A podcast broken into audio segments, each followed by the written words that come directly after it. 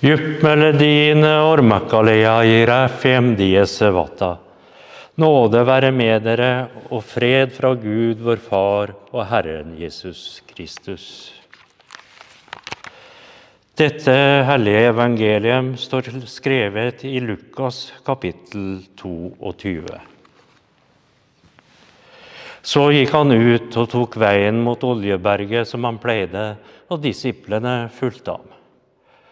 Da han var kommet fram til stedet der, sa han til dem, Be om at dere ikke må komme i fristelse. Han slet seg fra dem så langt som et steinkast, falt på kne og ba. Far, om du vil, så ta dette begeret fra meg, men la ikke min vilje skje, men din.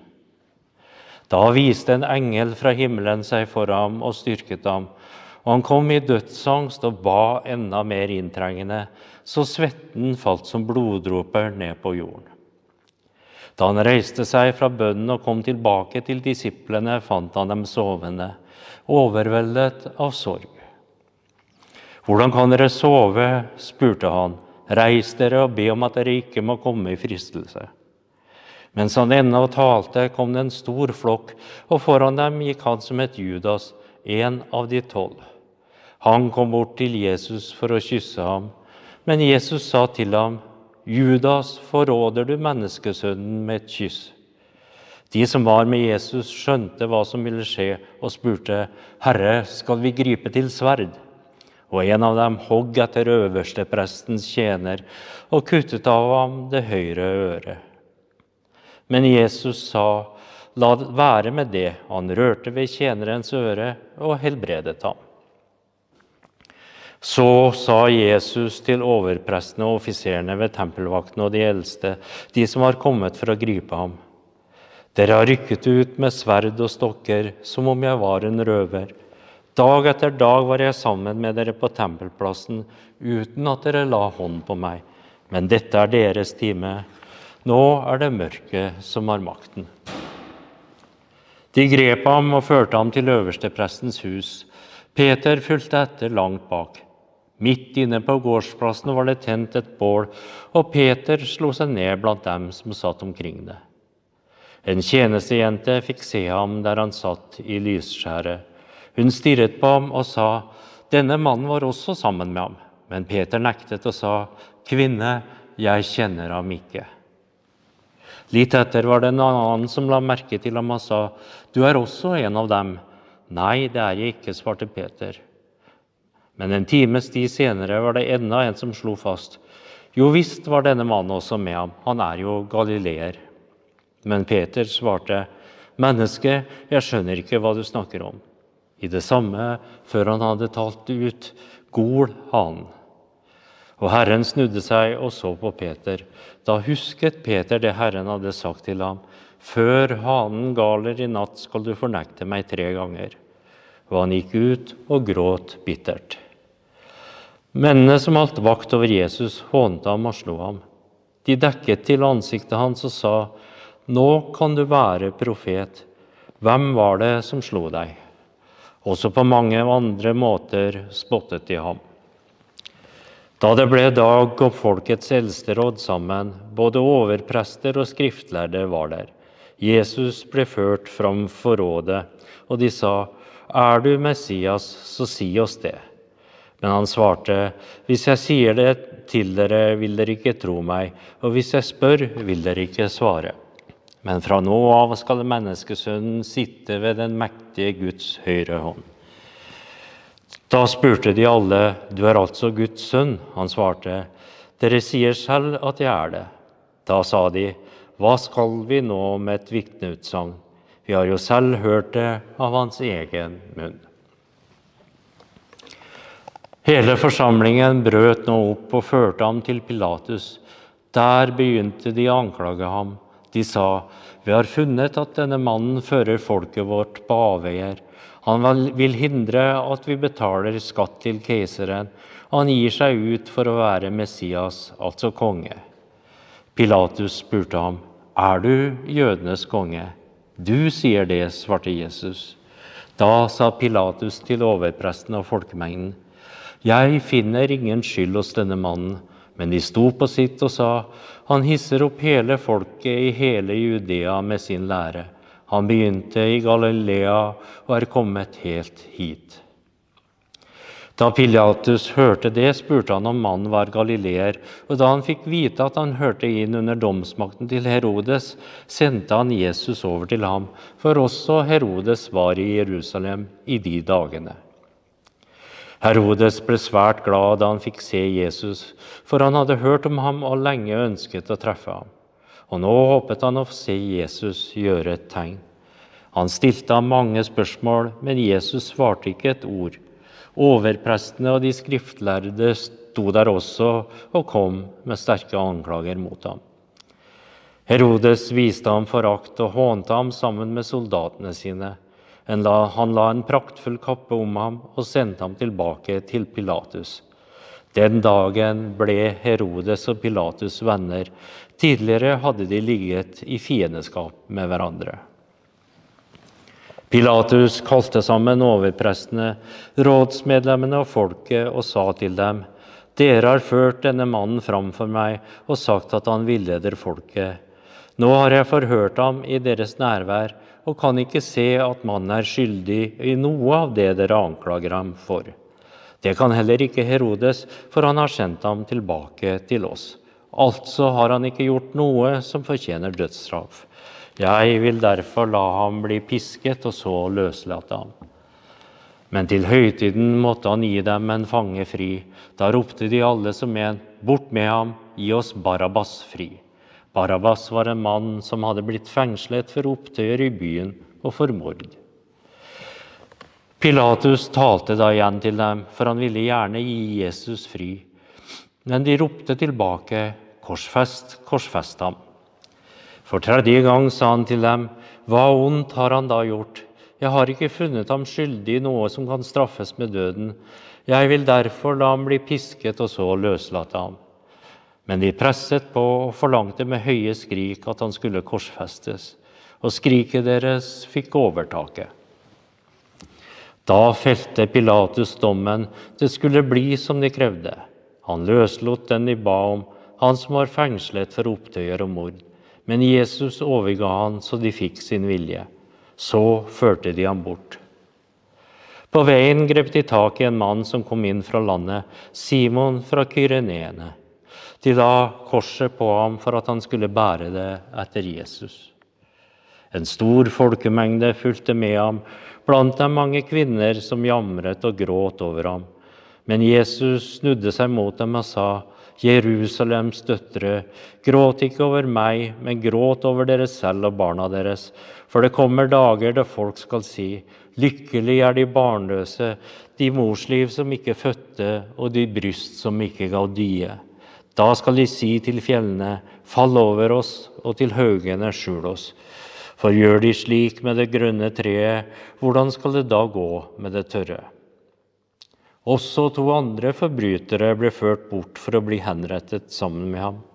Og da de kom til det stedet som heter Hodeskallen, korsfestet de både ham og forbryterne der, den ene på høyre side av ham, den andre på venstre. Men Jesus sa, Far, tilgi dem, for de vet ikke hva de gjør.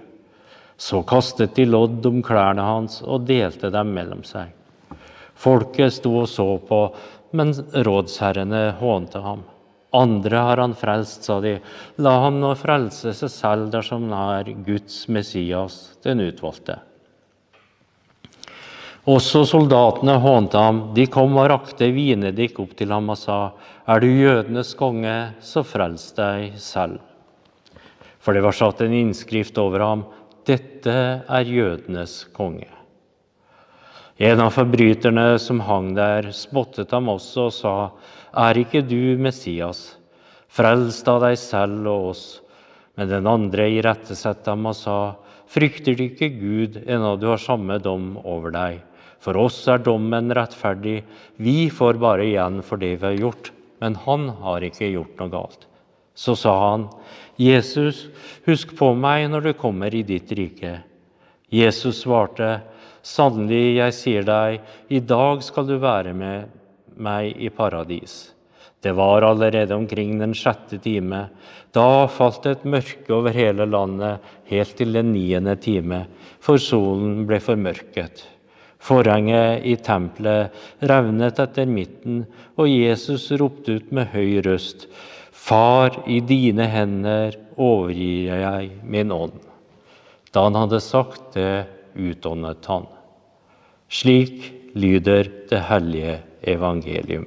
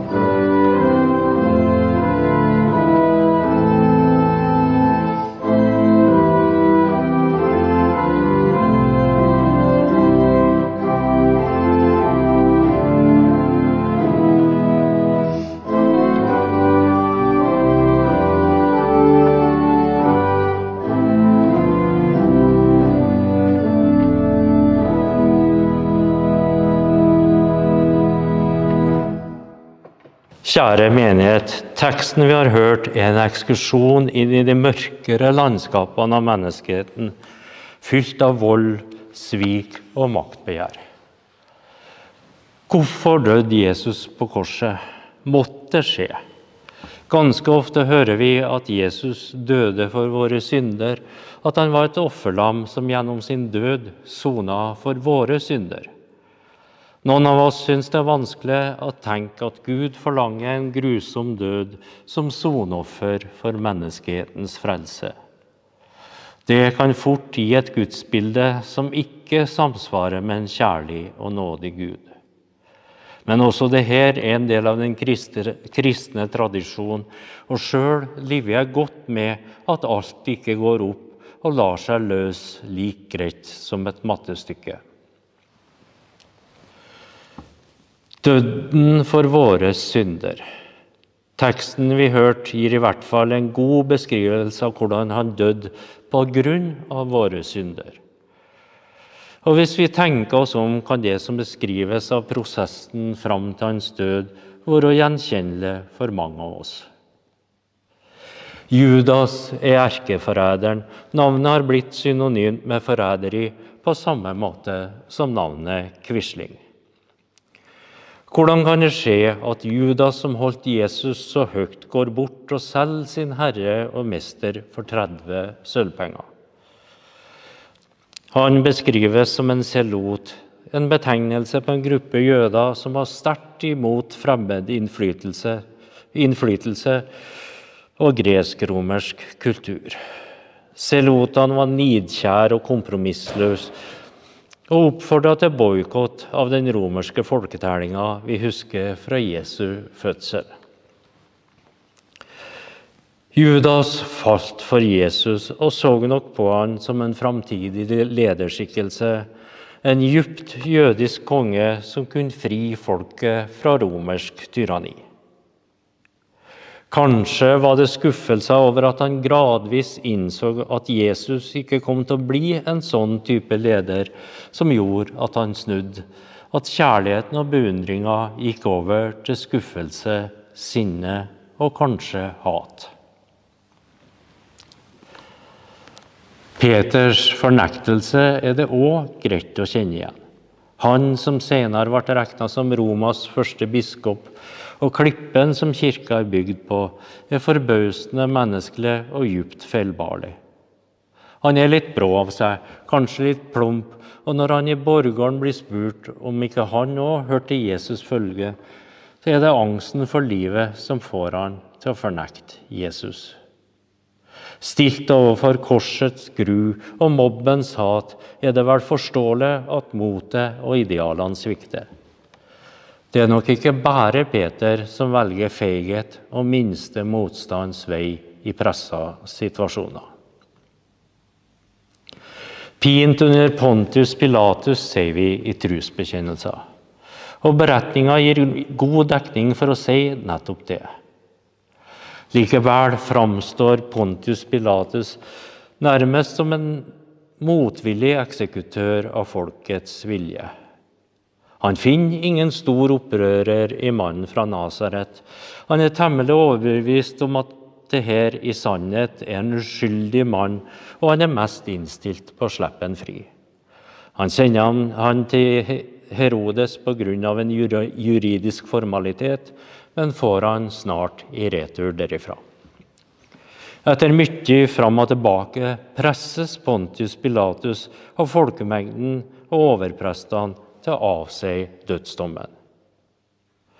Muligens gjør han det fordi han frykter et opprør. Mange hundre tusen mennesker er samla i og rundt Jerusalem. Og det siste han som den øverste romerske administratoren trenger, er uroligheter og opprør i det området han er satt til å styre over. Hos Matteus berettes det hvordan han vasker sine hender for å si at han er uskyldig i denne mannens død. Til tross for sin overbevisning om Jesu uskyld er frykten for egen posisjon og makt så stor at han svikter idealene og dømmer en uskyldig mann. Så har vi øversteprestene og den religiøse eliten. På mange måter har de rett. Jesus framstiller seg sjøl som den salvede, som Messias. Men mer enn det, han tilgir synder og setter seg dermed likt Gud. At Jesus faktisk er Guds sønn, er en så uhyrlig tanke at den ikke engang kan tenkes. Gjennom flere år har de sett og hørt om denne mannen som gjør mektige ting, men tolker de religiøse lovene helt ulikt dem sjøl.